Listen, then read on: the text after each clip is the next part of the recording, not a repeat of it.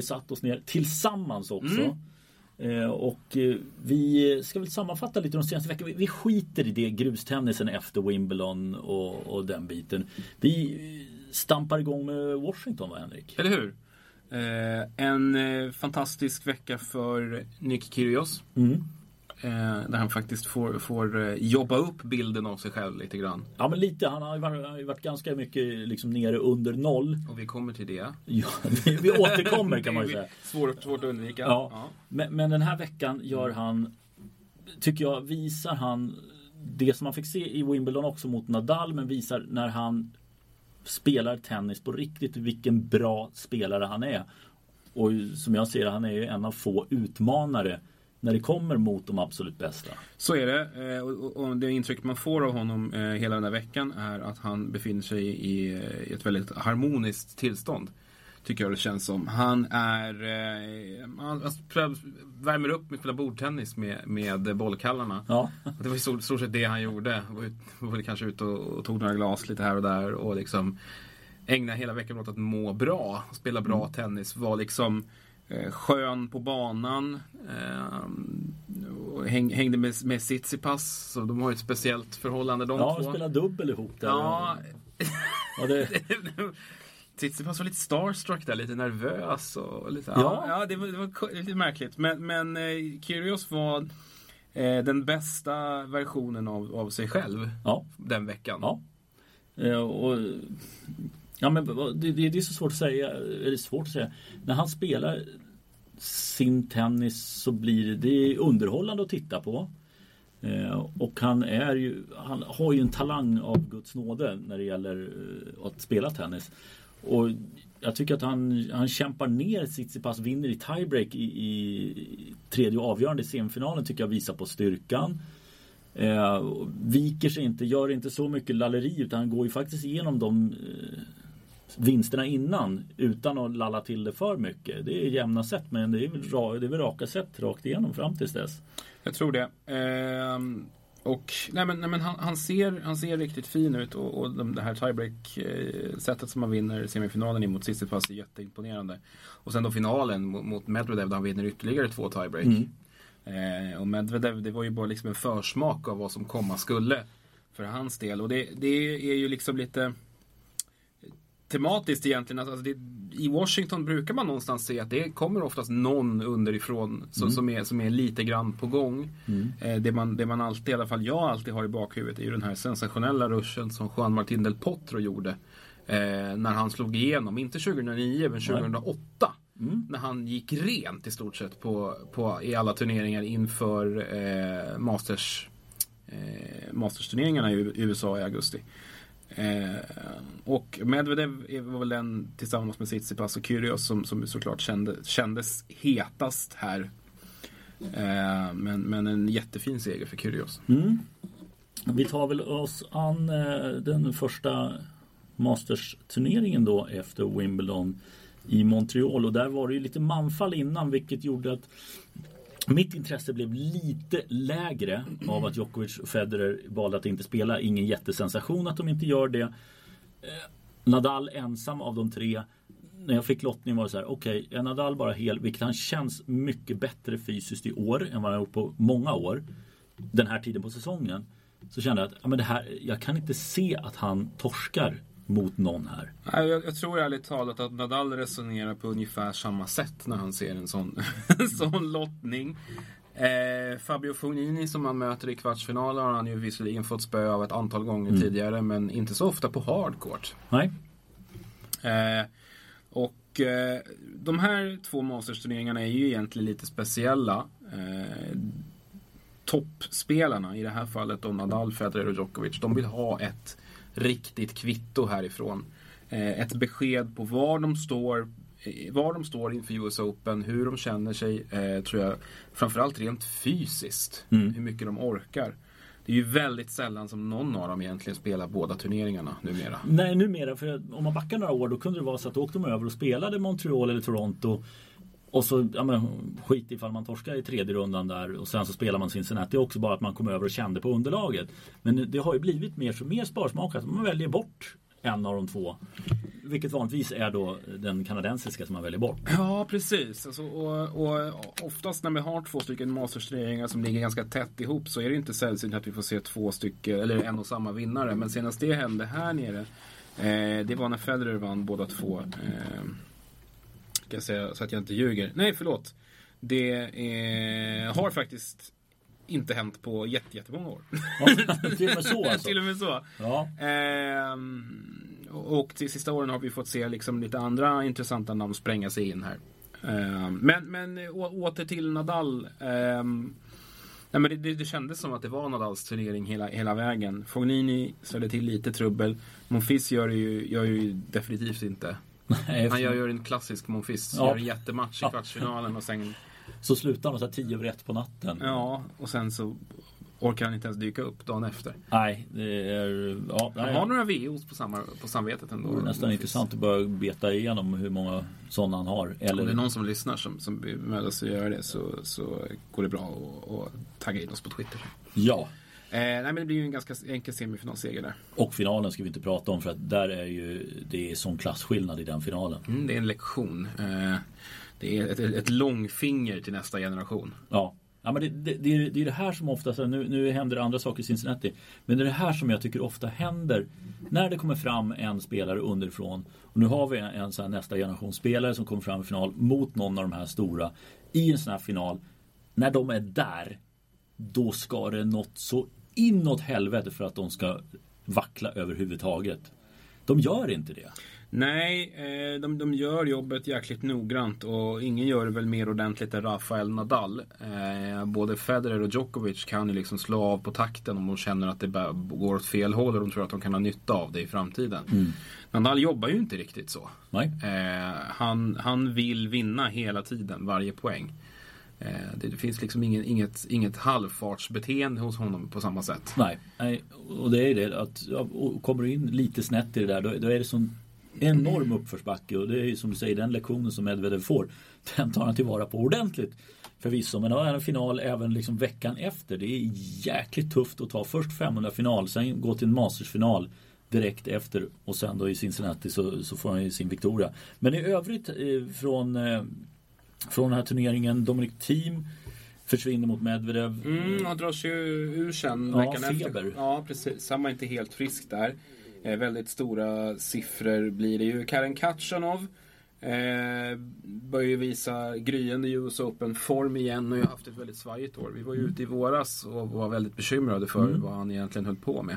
Men han har ju på så sakteliga börjat få liksom sin säsong på rätt köl igen. Ja, Och här är ju där han ska vara som bäst egentligen. Och det känns som att han är på väg dit.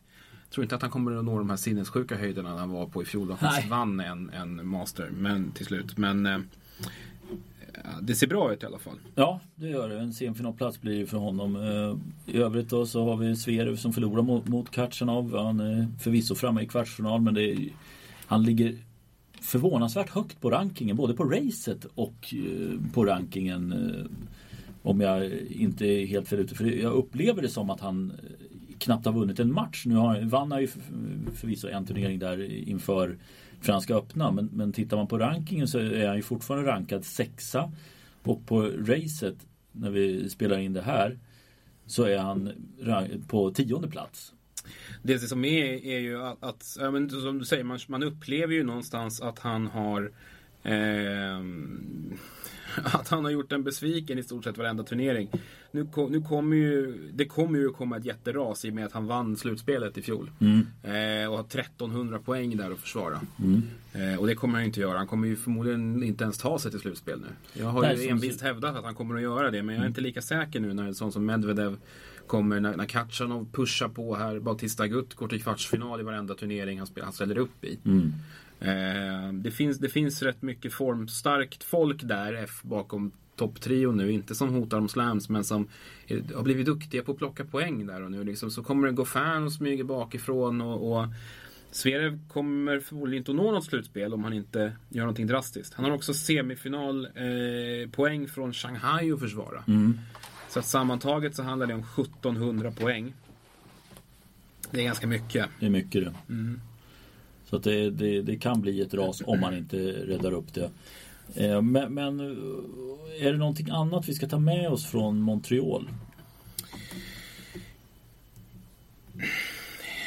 Nej, det... Kei Nishikori gör en, det ska ju faktiskt sägas där, eh, en riktig plattmatch och förlora mot Gasquet.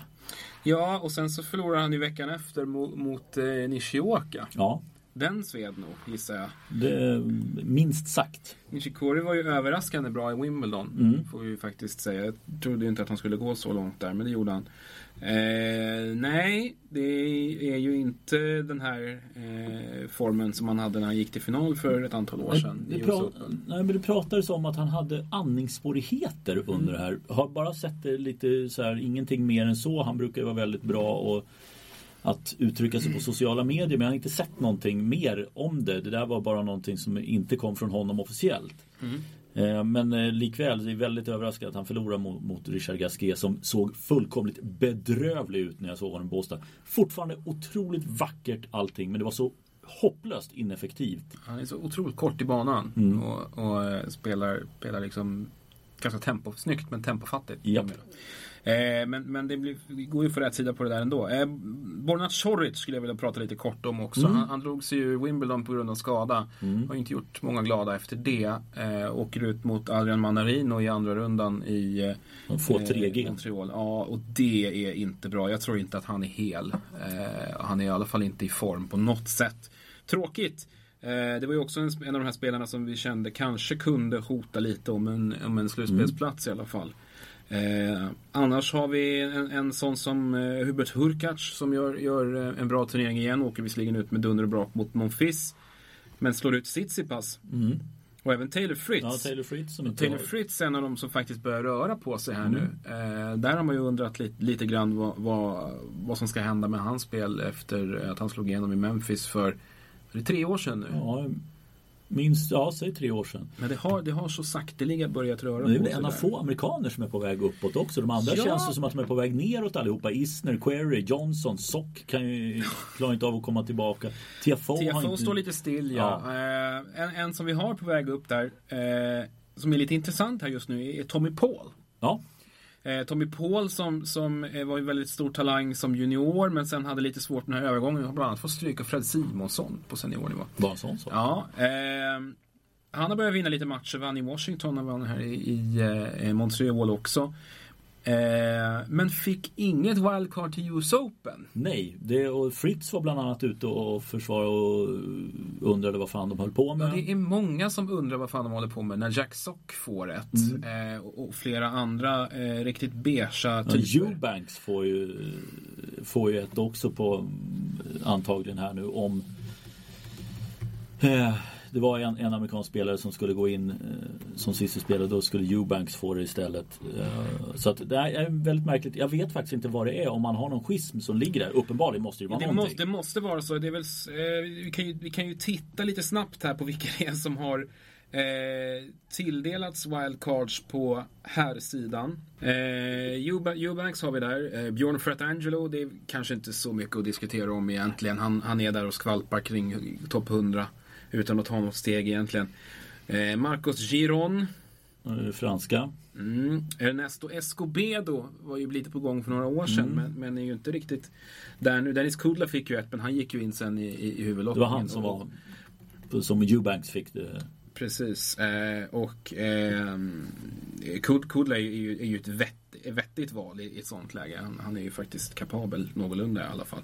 Men eh, som sagt mycket konstigt att eh, inte, inte blev någon för Tommy Paul som faktiskt är den, den hetaste amerikanen som kommer underifrån här.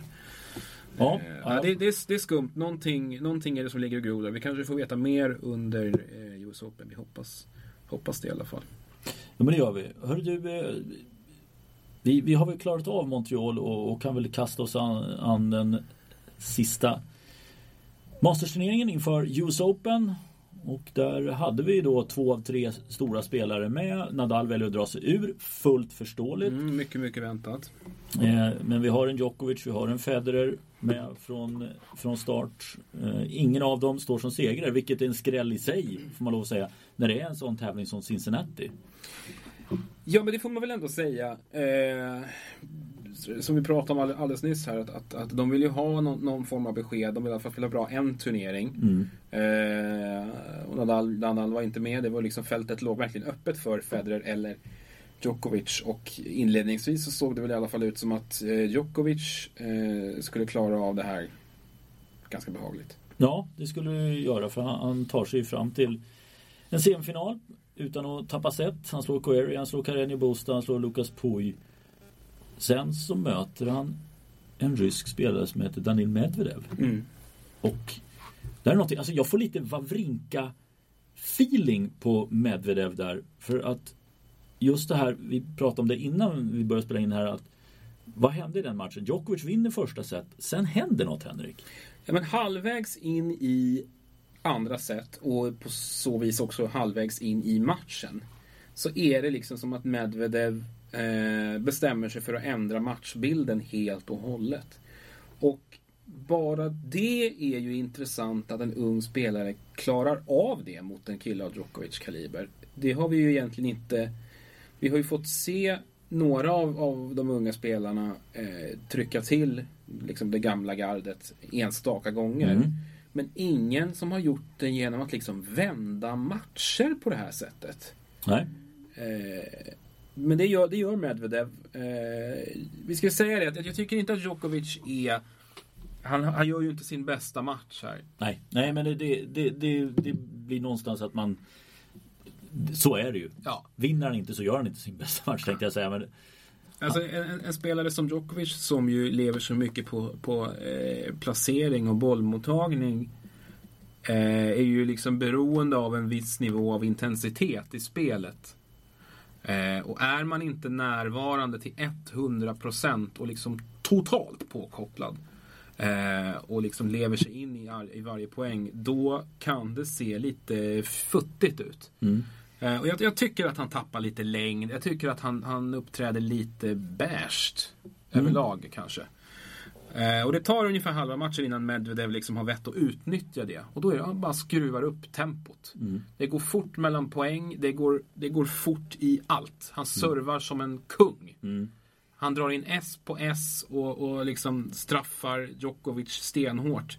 Och det är liksom som att han, han blir yrvaken på något sätt. Novak. Han kommer aldrig tillbaka. Han kommer aldrig in i matchen Nej. efter det. Um, men jag får lite det här Wawrinka När Wawrinka var som bäst att, Respektlösheten Ja men respektlösheten och tempot just ja. att du helt plötsligt hittar du en nivå till mm. De här killarna är så enormt snabba, så bra på att läsa spelet mm. Men det finns liksom när du De kan slå hål på nästan, alltså mm. slå hål på dem och mm. Det är det som jag ser att Medvedev lyckas med där. Det är ju sån tunn marginal för att Verkligen.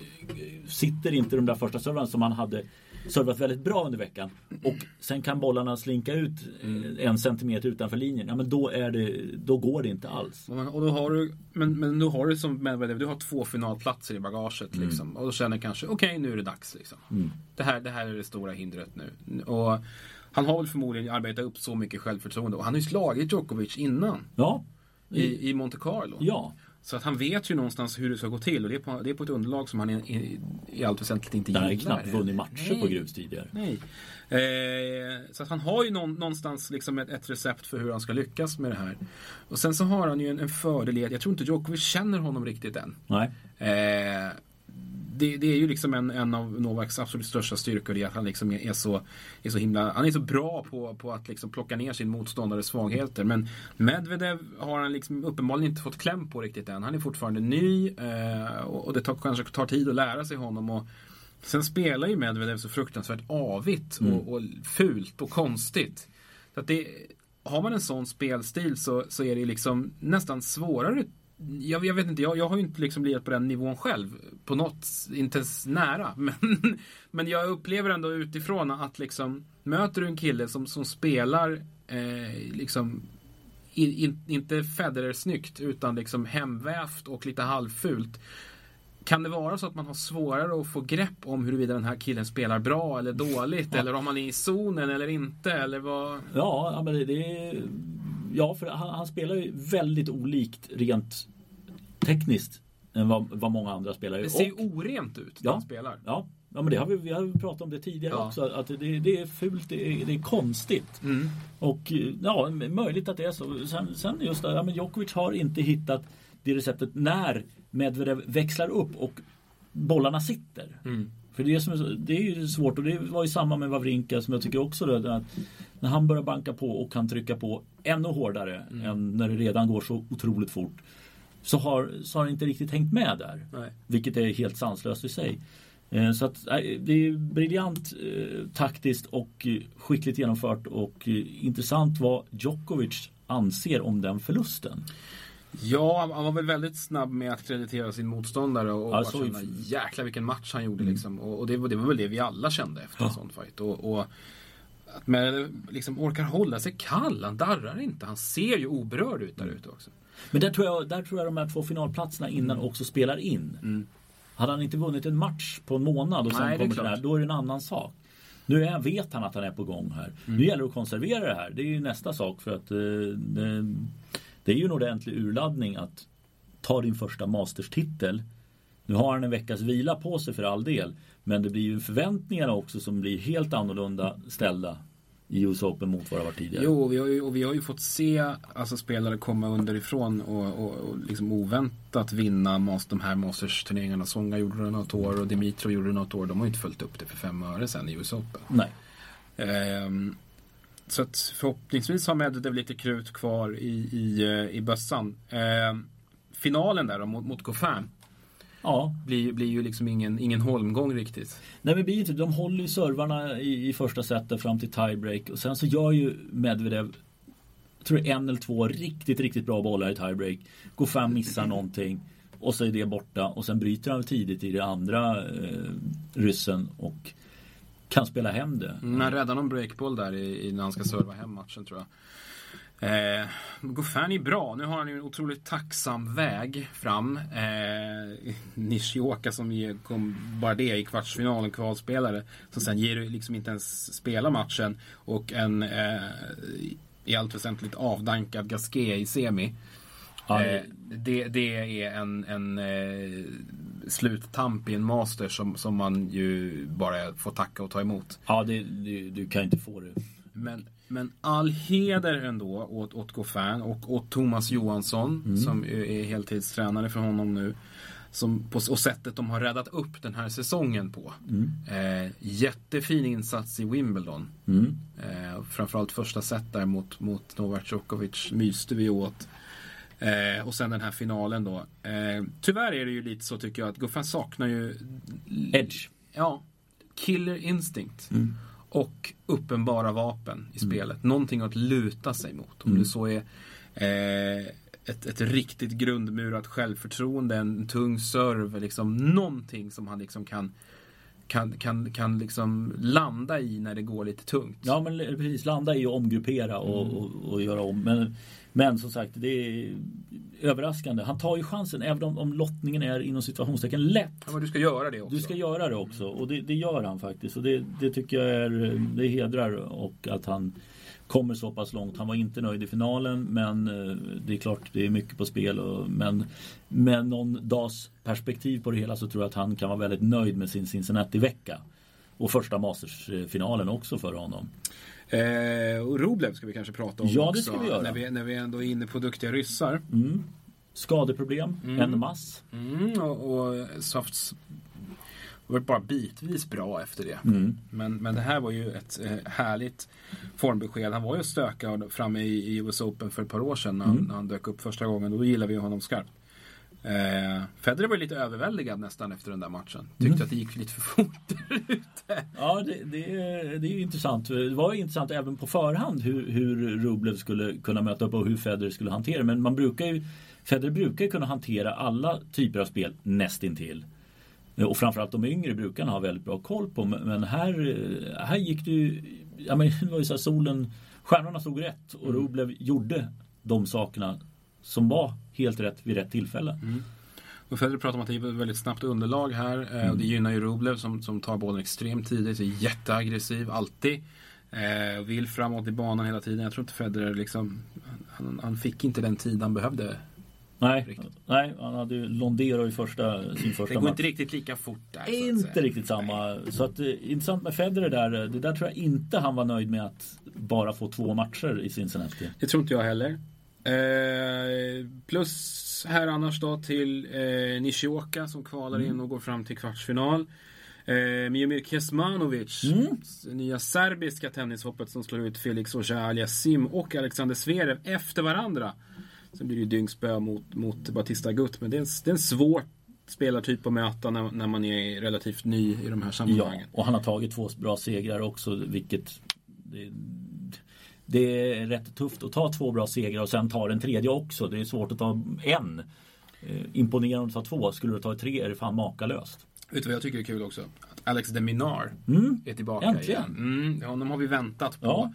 Eh, startade ju säsongen så himla fint eh, och sen i stort sett bara försvann från radarn helt. Eh, dippade totalt i form nu. Ser det bra ut igen. Ja, Kul! Ja. Eh, Men det är väl det. Och Gasquet får vi ju nämna också att helt plötsligt så eh, träffar han bollen mycket, mycket bättre. Det, det är, jag kan inte se att han kommer nå många fler Masters semifinaler. Nej, det här kan nog mycket väl ha varit den sista. Eh, jag, har, jag har inte sett honom så här bra sen, sen i eh, Monte Carlo, var det förra året? Då han, då han såg riktigt fin ut där. Eh, han spelade Var det förra Zverev, året? tror jag. Ja, för det- ryggproblemen var det. Ja. Jag Ja. tror att det var förra året. Ehm, han, han, ser jätte, han, ser, han såg jättefin ut nu. Sen så har han ju lite, lite tur där och, och möter ju Andy Murray i första rundan. Det är ju en speciell match såklart. Men Murray är ju så långt ifrån att vara konkurrenskraftig nu. Ja. Ska spela i Kina efter US Open. Mm. Bara dubbel US Open. Mm. Eh, annars då? Marin Cilic går inte så bra. Eh, Nej, det, Åker ut mot eh, Tidemans adept. Rado Albot som eh, vinner Mm. lite matcher och, och eh, träffade Tideman och han sa att han, han, han är en riktig maskin och han, han jobbar på och det, det går jävligt bra för Vi, vi honom. pratar om folk som maxar sina resurser. Ja, Han är sån. mm. Jag tycker om att spela mycket eh, och eh, ja, var ju bra i våras och tycker jag fortsätter. Även om han inte går jättelångt så vinner han i alla fall några matcher här och där. Precis, och eh, han är topp 40 nu. Topp 40 inne på topp 40 och utanför topp 20. Marin Cilic är just nu 23. Eh, och det känns väl som att det kan nog bli ännu värre för eh, kroaten. Jag tror på racet är han är ju långt ner. Vi har för mig att vi tittade här för ett par veckor sedan. Då låg de runt Ymer. Nu ligger han på 52 plats på Ja. racet. Har plockat totalt 795 poäng i år. Så det, det är tufft för honom. Eh, men om, om man ska säga någonting mer om eh, Cincinnati så nej, det Tsitsipas har eh, ja, Washington semifinal men sen har det varit ganska tidiga uttåg. Han har han fått en liten reaktion på det här att han är, Det är, väl, det är väl så här i efterhand kanske lätt att konstatera att det kanske gick lite väl bra i början Mm. på året. Nej, det, kän, det känns ju som att han, han, har, han har ju mattats men han spelade ju väldigt, väldigt mycket i våras där också. Mm. Eh, det känd, kändes ju som att man var lite rädd att han skulle bränna ut sig. Det kanske han har gjort. Det är liksom, han är i, ett helt annat strålkastarsken. Han, han spelar ju fortfarande bra tycker jag. Men, men att vara bra över en hel säsong kommer ju med eh, erfarenhet. mm, och, och disponera, vet, veta när du ska disponera. Sen är det klart, de spelar mer när de är yngre. Om vi nu tittar på de äldre som mycket mer selektivt väljer ut vilka turneringar de ska spela. Eh, Killen är ung. Jag tycker inte man ska dra några växlar av det här alls egentligen. Det är, det är vad det är. Jag tror att han kommer att komma tillbaka på den där nivån som han hade tidigare under säsongen. mm. Definitivt. Du, en he helt annan. Nu hoppar på ett sidospår Oj. här. Eh, Jag funderar lite grann på, tror du att man inte ändrar några regler, några upplägg, någonting sånt så länge de här topp tre finns kvar. När de väljer att kliva av, tror du att vi kommer få se andra typer av att man väljer andra typer av turneringsformer eller att man hittar på några nya saker när de är borta? För att det kommer inte vara samma Det kommer vara svårt att fylla den luckan. Och att man då måste mixtra någonting med att försöka få tennisen mer attraktiv för nästa, det som kommer. Vad skulle det vara? Kortare set. Mm. 16 spelare i, eh, i vissa turneringar. Eh, spelar torsdag till söndag. Eh, ja, det, det, det, är så långt jag har kommit i, i min tankevärld. Men, men, att man att jag tror att det kommer hända någonting med tennis inom de närmaste åren. Jag tror 250 turneringarna har det jävligt tufft. Man måste hitta någonting nytt, hitta det mer attraktivt för, för spelare att spela de turneringarna som inte är rankade runt 50 för att det är inte så jävla intressant för den breda publiken. skulle man kunna tänka sig något sånt där att de måste spela ett, ett visst... Det har de redan idag. Det har de redan idag. Ja, men, men även, även på 250 nivå liksom för, för, för att bibehålla trycket kring dem. Två, 250 turneringar om, om man, jag vet inte hur, hur, liksom, hur, hur kraven ser ut där om man måste spela ett visst antal 250. Ja, det räknas väl in i ranking. Du ska väl ha resultat från 250 vår, 250 höst. Mm. Eh, vilket våren tar ju, i stort sett alla toppspelare tar ju en 250 turnering inför Australian Open. Så då har du en avräknad där. Och sen kan du välja att skita i det. Går du långt i Masters-turneringarna så är det ju ändå värt mer än en 250 turnering. Vilket gör att det spelar ingen roll för de, största, för de största spelarna att spela dem överhuvudtaget. Utan det är när det verkligen passar dem att spela. Mm. Och det gör det ju aldrig. Bortsett från förra Australian Open. Möjligen med, för Wimbledon men där har du ju Halle och, och Queen som är 500 turneringar. Och i övrigt brukar det inte vara så mycket spel för, för toppspelarna. Så att, Ja, det, det, det, är en, det är en fruktansvärt stor utmaning som, som eh, den här sporten har mm. när de här tre in, inte längre eh, orkar mer. Mm. Eh, jag, jag, jag, tror att du, du är rätt ute i det, att, att de kommer att, att revidera ganska mycket av, av nå, någonting kommer vi behöva göras för, för att liksom bibehålla dragningskraften. Ja, för, för touren som helhet. Sen kommer det fortfarande slams och, och masters och sånt, inga problem. Men, men, för att få det att leva hela tiden, det tror jag det, det krävs nå, någonting mer. Eh, vi, vi, ska, vi tar ju vårt US Open-prat senare men du, vi, vi, du slängde ut där och, och ställde frågan där var, till lyssnare. Ja, jag, jag, tänkte bara att jag skulle, skulle avhandla en liten grej först. Eh, när, vi, när vi ändå var inne på Masters specifikt. Eh, och att vi den här gången fick en oväntad vinnare. Ja! Kanske inte så oväntad i, i Daniel Medvedev. Det är alltid oväntat när det kommer ett nytt namn. Så är det ju. Och eh, alla ni som lyssnar vet ju hur, hur dominansen har sett ut från eh, de, stod, de fyra stora. Roger Federer, Rafael Nadal, Novak Djokovic och Andy Murray. För att snackar vi Masters, då är Andy Murray eh, tillhör den gruppen. Absolut. Mm. Eh, så att jag gjorde så att jag blickade tillbaka för enkelhetens skull till 2009 då eh, startade Masters-upplägget så som det ser ut idag mm. med de här eh, turneringarna. Och tittade lite grann på var har vi fått se flest skrällar, oväntade vinnare? Paris. Det stämmer. Eh, och det är ju, faller sig ju naturligt. Det är sent på säsongen. Vissa har redan stängt året på grund av skador. Andra sparar sig inför slutspelet som ju är ett par veckor efter Paris. Eh, så att under de senaste eh, tio gångerna blir det ju då sedan 2009 så har vi fått fyra stycken vinnare utöver topp fyran. Söderling och Ferrer ja. av varsina. Sen är det väl frågan om det inte var en frans, är det inte så, så att Songa eller Monfils har tagit? Songa vann men det var ett tag sedan 2005. Men Monfils okay. har varit i final. Det är Jack Sock och Karen Katchanov. Just det. De två senaste Socker. vinnarna. Ja. Så är det. Eh, sen så är det ju såklart eh, grusturneringarna där, där har vi väldigt lite skrällar rent, rent generellt. Ja, det står väl Rafael Nadal på i stort sett allt där. Ja. Minns att Djokovic har, har plockat någon. Federer har vunnit i Madrid. Ja. Det är det enda han har vunnit. Eh, Monte Carlo har vi undantagande med Stan Wawrinka och nu senast Fabio Fognini. Just det. Mm. Madrid är det bara Alexander Zverev som har lyckats bryta eh, Nadals dominans. Och samma sak i Rom. Mm. Mm. Eh, och sen är det lite oväntat tycker jag att Shanghai det är väl sånt att Murray har, har varit bra där borta. Murray har varit jättebra där. Även eh, Nadal tror jag knappt har vunnit Shanghai. Men, men eh, Federer har vunnit mm. där vid några tillfällen också. Eh, Nikolaj Davidenko är den enda som har, som har brutit topp fyrans dominans där.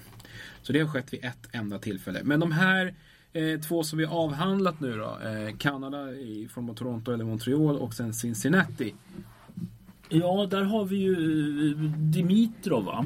Dimitrov har vunnit Cincinnati. Ja, Och nu senast Medvedev naturligtvis. Ja, Silic har väl också Stämmer. Det är de tre. Och i eh, Rogers Cup.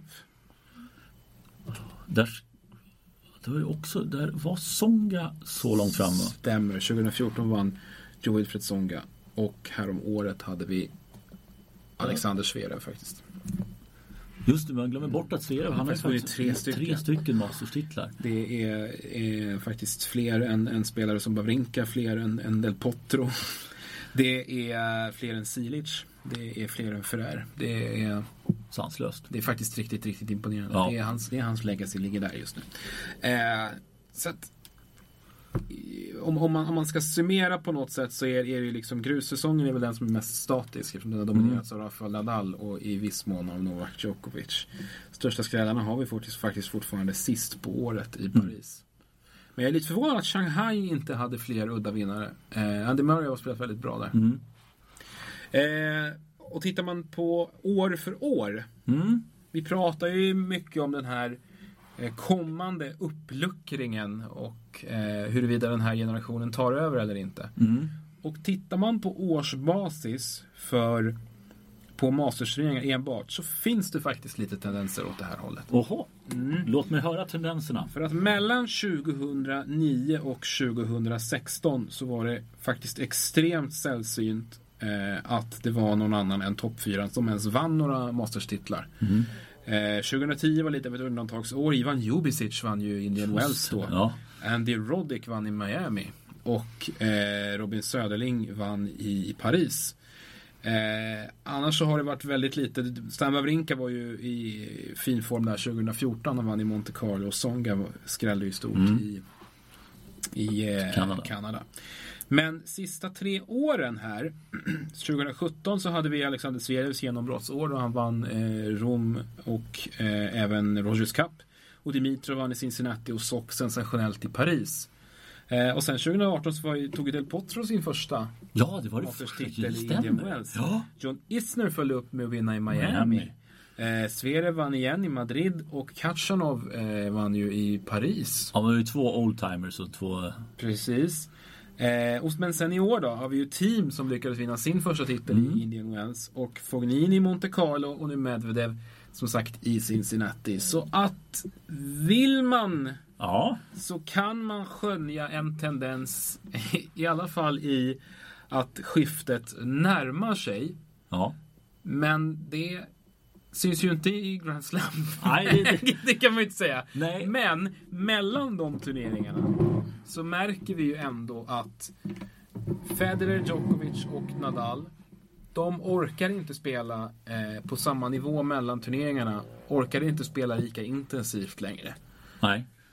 Och då, då spelar de ändå rätt sparsmakat. Det är bara att titta på hur många turneringar de har spelat på, på säsongen jämfört med de andra. Och deras scheman blir ju glesare och glesare för varje år som går. Och det känns som att de orkar liksom inte riktigt trycka på gasen i varenda master längre. Eh, och nu är de ju en färre som är med och drar där också. Eh, och det, det gör väl sitt. Det är klart jag sitter till när en faller ifrån. Murray har fallit bort. Men så, så eh, vill som sagt kontentan är väl då att, att vill man eh, ana att skiftet är på gång så har man Masters-statistiken att luta sig mot. Men, men vi väntar fortfarande på att det ska synas i de allra största sammanhangen. Precis. Ja, men, eh, kul sammanställning Mm. Henrik. Eh, Jag går bakåt här till eh, frågorna där. David Bryntesson tyckte Max Eriksson och Carl Söderlund. Ja, Kul! det tycker jag vi ska prata om också. Mm. Marcus Eriksson. Just, vi kan ju börja med att rekommendera eh, hans insats i Source Ja, podden. Han pratar mycket om, om, om livet där på eh, Challenger och Future nivå och vad hans eh, tenniskarriär tar vägen. Han var ju inga, inga som hade inga, då inga som helst planer på att varva ner i alla fall. Han närmar sig ju 30 här nu. Eh, och varför skulle han göra det när han spelar sitt livs tennis? ja. Uppe på 275 plats eller något Ja. sånt där. Högsta noteringen i karriären. Ja. Och tack vare det så kommer han ju kunna spela Challengers tror jag resten av säsongen. Ja, Eh, det, är, eh, borde gå. Vissa veckor givetvis tuffare än andra men, men det ser onekligen eh, väldigt positivt ut. Och jag tycker det är jättekul att han får ett kvitto för jag har ställt frågan i många år varför han fortsätter. Men det här är ju förklaringen. Och killen älskar tennis så att vad, vad ska man vem ska man vara och döma det? Och... Nej, men absolut. Och, och, här, här är ju faktiskt, han, han tar ju faktiskt en, en hel drös riktigt fina segrar och visar att han håller på, på den här nivån. Och det är, det är inte bara liksom spelare som är rankad sämre än honom själv, utan han, han vinner faktiskt en handfull riktigt fina matcher här nu. Eh, och, och, gör sig liksom förtjänt av de här poängen. Det är inte, det är inte future-poäng som har tagit honom hit, utan det är, det är ju nu faktiskt att han har eh, fått det att lossna på Challenger-nivå. Vad som är roligt nu är att han är mycket nära sitt mål eh, att, att kunna kvala in till en Grand Slam. Mm. I hans fall då Australian Open. US Open-tåget har ju, har ju seglat sen, sen en bit tillbaka. Eh, den rankingen drogs ju för några veckor sedan. Men Australian Open är inte alls någon omöjlighet. Han är som sagt runt 276 eller något sånt där mm. nu. Och katten drogs vid 252 förra året. Så han ska upp lite till. Så, så har han en kvalplats då till Australian Open. Det är intressant. Det blir ju ett, ett mer, vad ska man säga, ett greppbart mål också. Faktiskt. Eh, så jag hoppas att han får ihop finansiering och allting och kan åka runt och spela på, på Challenger-nivå här. För det eh, gläder mig väldigt mycket att en sån kämpe får lite betalt för allt slit som han gör. Och hoppas nu att det inte bara har varit någon enstaka företeelse här att ta sig en bit utan han kan fortsätta följa upp det här. Verkligen. Eh, Carl Södlund vann eh, Future här i helgen. Kvalade in och gick rent i en eh, belgisk Future. Ja. Eh, han är, eh, spelar fortfarande på college, han har väl ett år kvar va? Skulle kunna stämma det ja. Um, och det, det spekuleras ju väldigt mycket vad det, är för, vad det är för nivå han håller egentligen. Ja. Ja, det, det är lite ojämnt. För jag tycker förra året kom han hem och, och, inte, det var inte så mycket som hände de turneringar han spelade. Det här året däremot eh, såg bra ut mot, han spelade ju kvalet mot Karenji Busta. Mm. Eh, gjorde ju faktiskt ganska bra ifrån sig där. Mm. Eh, och den här turneringen var ju eh, ett, ett styrkebesked. Eh, och, och, när han faktiskt var uppe och härjade innan sin collegekarriär så eh, gjorde han ju verkligen inte bort sig på challenger-nivå. Och av de resultat som han har stått för under sin collegekarriär. Eh, det kan ju naturligtvis vara lite svårare att utläsa men eh, upplever i alla fall jag att, att han skulle inte göra bort sig på Challenger-touren nu heller. Nej. Det, det, känns som den nivån han håller nu. Ja, definitivt. Det får hoppas att han kommer kunna spela upp sig så att han har möjlighet att spela på Challenger-nivå. Mm. Eh, vi fick några fel, det har vi egentligen avhandlat där. Eh, Sverevs katastrofår har vi varit inne på. Att det, det, det mesta ligger framför oss men då kan det rasa, rasa ordentligt. Eh, Dimitros bra spel i fel matcher. Den vet jag inte om jag ska... Eh, Få utveckla den. Ja. Dina, eh, får vi be om. Mm. Mm. Ja, Anders Ersson där som hade... Gasquet semifinal har vi också avhandlat. Fiddes utspel i Expressen TV. Mm. Den... Jag, jag, jag orkade faktiskt inte ta mig ända fram dit för det var så mycket annat lall före. Jag satte igång det. Så att det ber att få återkomma i den frågan. Fidde har alltid starka åsikter om ja, saker och ting. Ja, och framförallt om det här. Det har vi pratat med honom om förr, mm. både du och jag tror jag. Mm. Han har alltid haft väldigt mycket åsikter om, om eh, hur, hur, det satsas gent, eh, liksom, utifrån våra ungdomar och så. Eh, och, och, vad de har för sig på vid sidan av tennisbanan. Mm. Han har alltid haft väldigt starka åsikter om det. Eh, och det men jag tycker också det, det är någonting, just den, det omdömet uttrycks väl kanske inte lika drastiskt som, som när Fidde gör det. Men det, det är en åsikt som delas av många involverade i svensk tennis. Ja, Eh, det, så kan man väl sammanfatta det utan att använda Fiddes språk. Vilket är ganska målande ska sägas. Så det, Underhållande, ja. alltid. Eh, Medvedevs fantastiska år har ju varit där och förmåga att ändra matchbilden. Ja, det har vi också mm. varit inne på. Eh, Tsitsipas formsvacka, den eh, kan vi väl egentligen återkomma till. Ja, men vi kan, kan, jag är inte så orolig i alla fall. Det, det, det, han tar sig ur det, absolut. Nej. Det var Jakob Händel här som undrar om det. Nadals briljans i Montreal, det har vi också avhandlat. Medvedev om räcker hans spel för att bli en flerfaldig slamvinnare. Mm. Det är ja om är, han... Ja. Om han... Ja, för det, det, är ju en skillnad att vinna matcher rakt igenom och sen vinna matcher över två veckor. Och, eh, ja, men jag, jag, tror med tanke på om man skulle ta bort de tre och de lägger av. Ja, då ser ja. jag honom definitivt definitivt som en möjlig flerfaldig slamvinnare. Säg att de skulle lägga av alla tre på en gång nu mm. mm. så är Medvedev eh, definitivt en av de som skulle, som skulle vinna slams. Mm. Det är han, det är team. Mm. Eh, jag tror att Zverev är en sån spelare som kommer Zverev är nog det ja. Eh, Tsitsipas är också en, en, en fram, framtida sån spelare. Eh, och eh, jag vet inte, ska man ge upp att Kyrgios har en i sig? Hans, ja, en Wimbledon skulle en Wimbledon han skulle han kunna serva sig igenom någon gång. Ja. Kanske inte ens nu, kanske om tio år. Mm. ja, det blir så. Och Gerald Yassim? Ja, ja absolut. Um... Det, det blir ungefär där om man bara skulle ta de, de namn som dyker upp direkt i huvudet. Däremot så kan man, så skulle, vet jag vet inte vad du tror, men har tåget gått liksom för den här mellangenerationen nu? Raonic, Nishikori. Eh, Dimitrov. Dimitrov. Dimitrov tror jag tyvärr med tanke på hur det ser ut eh, har jag väldigt svårt att se att han kommer kunna växla upp och bli ännu bättre än, än så bra som han var när han var som bäst. Eh, Wawrinka är redan gammal, kommer inte nå de höjderna igen. Eh, Raunic, eh, han är ju inte hel mer än under en fikarast.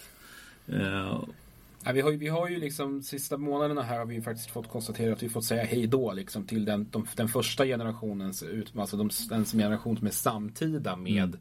Fedor Djokovic och, och hela det, den klanen med Berdych och, och eh, Songa och även Gasquet här nu. Liksom, de, deras tid är ju definitivt, definitivt förbi. Mm. Eh, Wawrinka har väl enstaka turneringar framför sig där han kan göra bra ifrån sig. Ja, och de kommer kunna göra några bra matcher här och där men de har ingenting att göra i, i slams eller djupt i... Ja, nu såg man Gasquet gå djupt i, i en Masters men, men jag har oerhört svårt att se dem som slutseger i de största turneringarna där alla de bästa är med. Jag såg också svårt att se att Del Potro ska komma tillbaka en gång till. Ja. Och, och tyvärr. vinna slams. Tyvärr. Alltså verkligen tyvärr. Eh, vi, vi är ju eh, extremt måna om, om honom och tycker om honom på alla, alla sätt som finns. Eh, men, men även där känns det som att tåget har gått och som du säger Raonic, Nishikori, Silic. Silic. Han har sin så att, uh... han, han har ju faktiskt gjort, gjort det han ska till skillnad från vissa andra. precis. men, men, nej, nej men de, det, det känns, alltså, skulle Raonic vara hel så visst han skulle vara en verklig utmanare tror jag i Wimbledon där han haft sitt, sitt bästa mm. resultat. Men det är så oerhört svårt att se nu för jag tycker inte man får någon riktig eh, känsla för eh, kanadensaren nu i och med att han spelar så ryckvis, alltså stötvis. Det går sönder hit och dit. Och... Ska, vi, ska vi testa en grej? Ja. Jag räknar ner här nu från 4 till 20 på rankingen. Så får du säga ja eller nej om de kommer att vinna en Grand Slam ja, eller inte i framtiden. Dominic Thiem. Ja. Daniil Medvedev. Ja. Stefanos Tsitsipas. Nej. Nej? Oj, oj, oj, oj. Eh, maila eh, och tyck till på Twitter. Där vet jag att ni kommer att sitta. Roberto Bautista Agut. Nej. Eh, Kei Nishikori. Nej. Fabio Fognini. Nej. Alexander Zverev. Ja. David Goffin. Nej. Gael Monfils. Nej. Felix Auger Aliasim. Ja. Guido Peja. Nej. John Isner. Nej. Gud nej. Diego Schwartzman. Nej.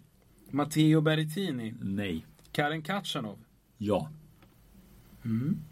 Lukas Puy. Nej. Stan Wawrinka. Nej. Så kan vi bara få ordning skulle ta dem som ligger närmast där också. Milos Raonic. Nej. Nick Kyrgios. Ja. Uh. Ja. Mm. ja det... det Ja, jag håller nog, håller nog med om, om det mesta. Tsitsipas eh, håller jag inte alls med om. Jag tror definitivt han kommer att vinna. Ja, eh, får vi se.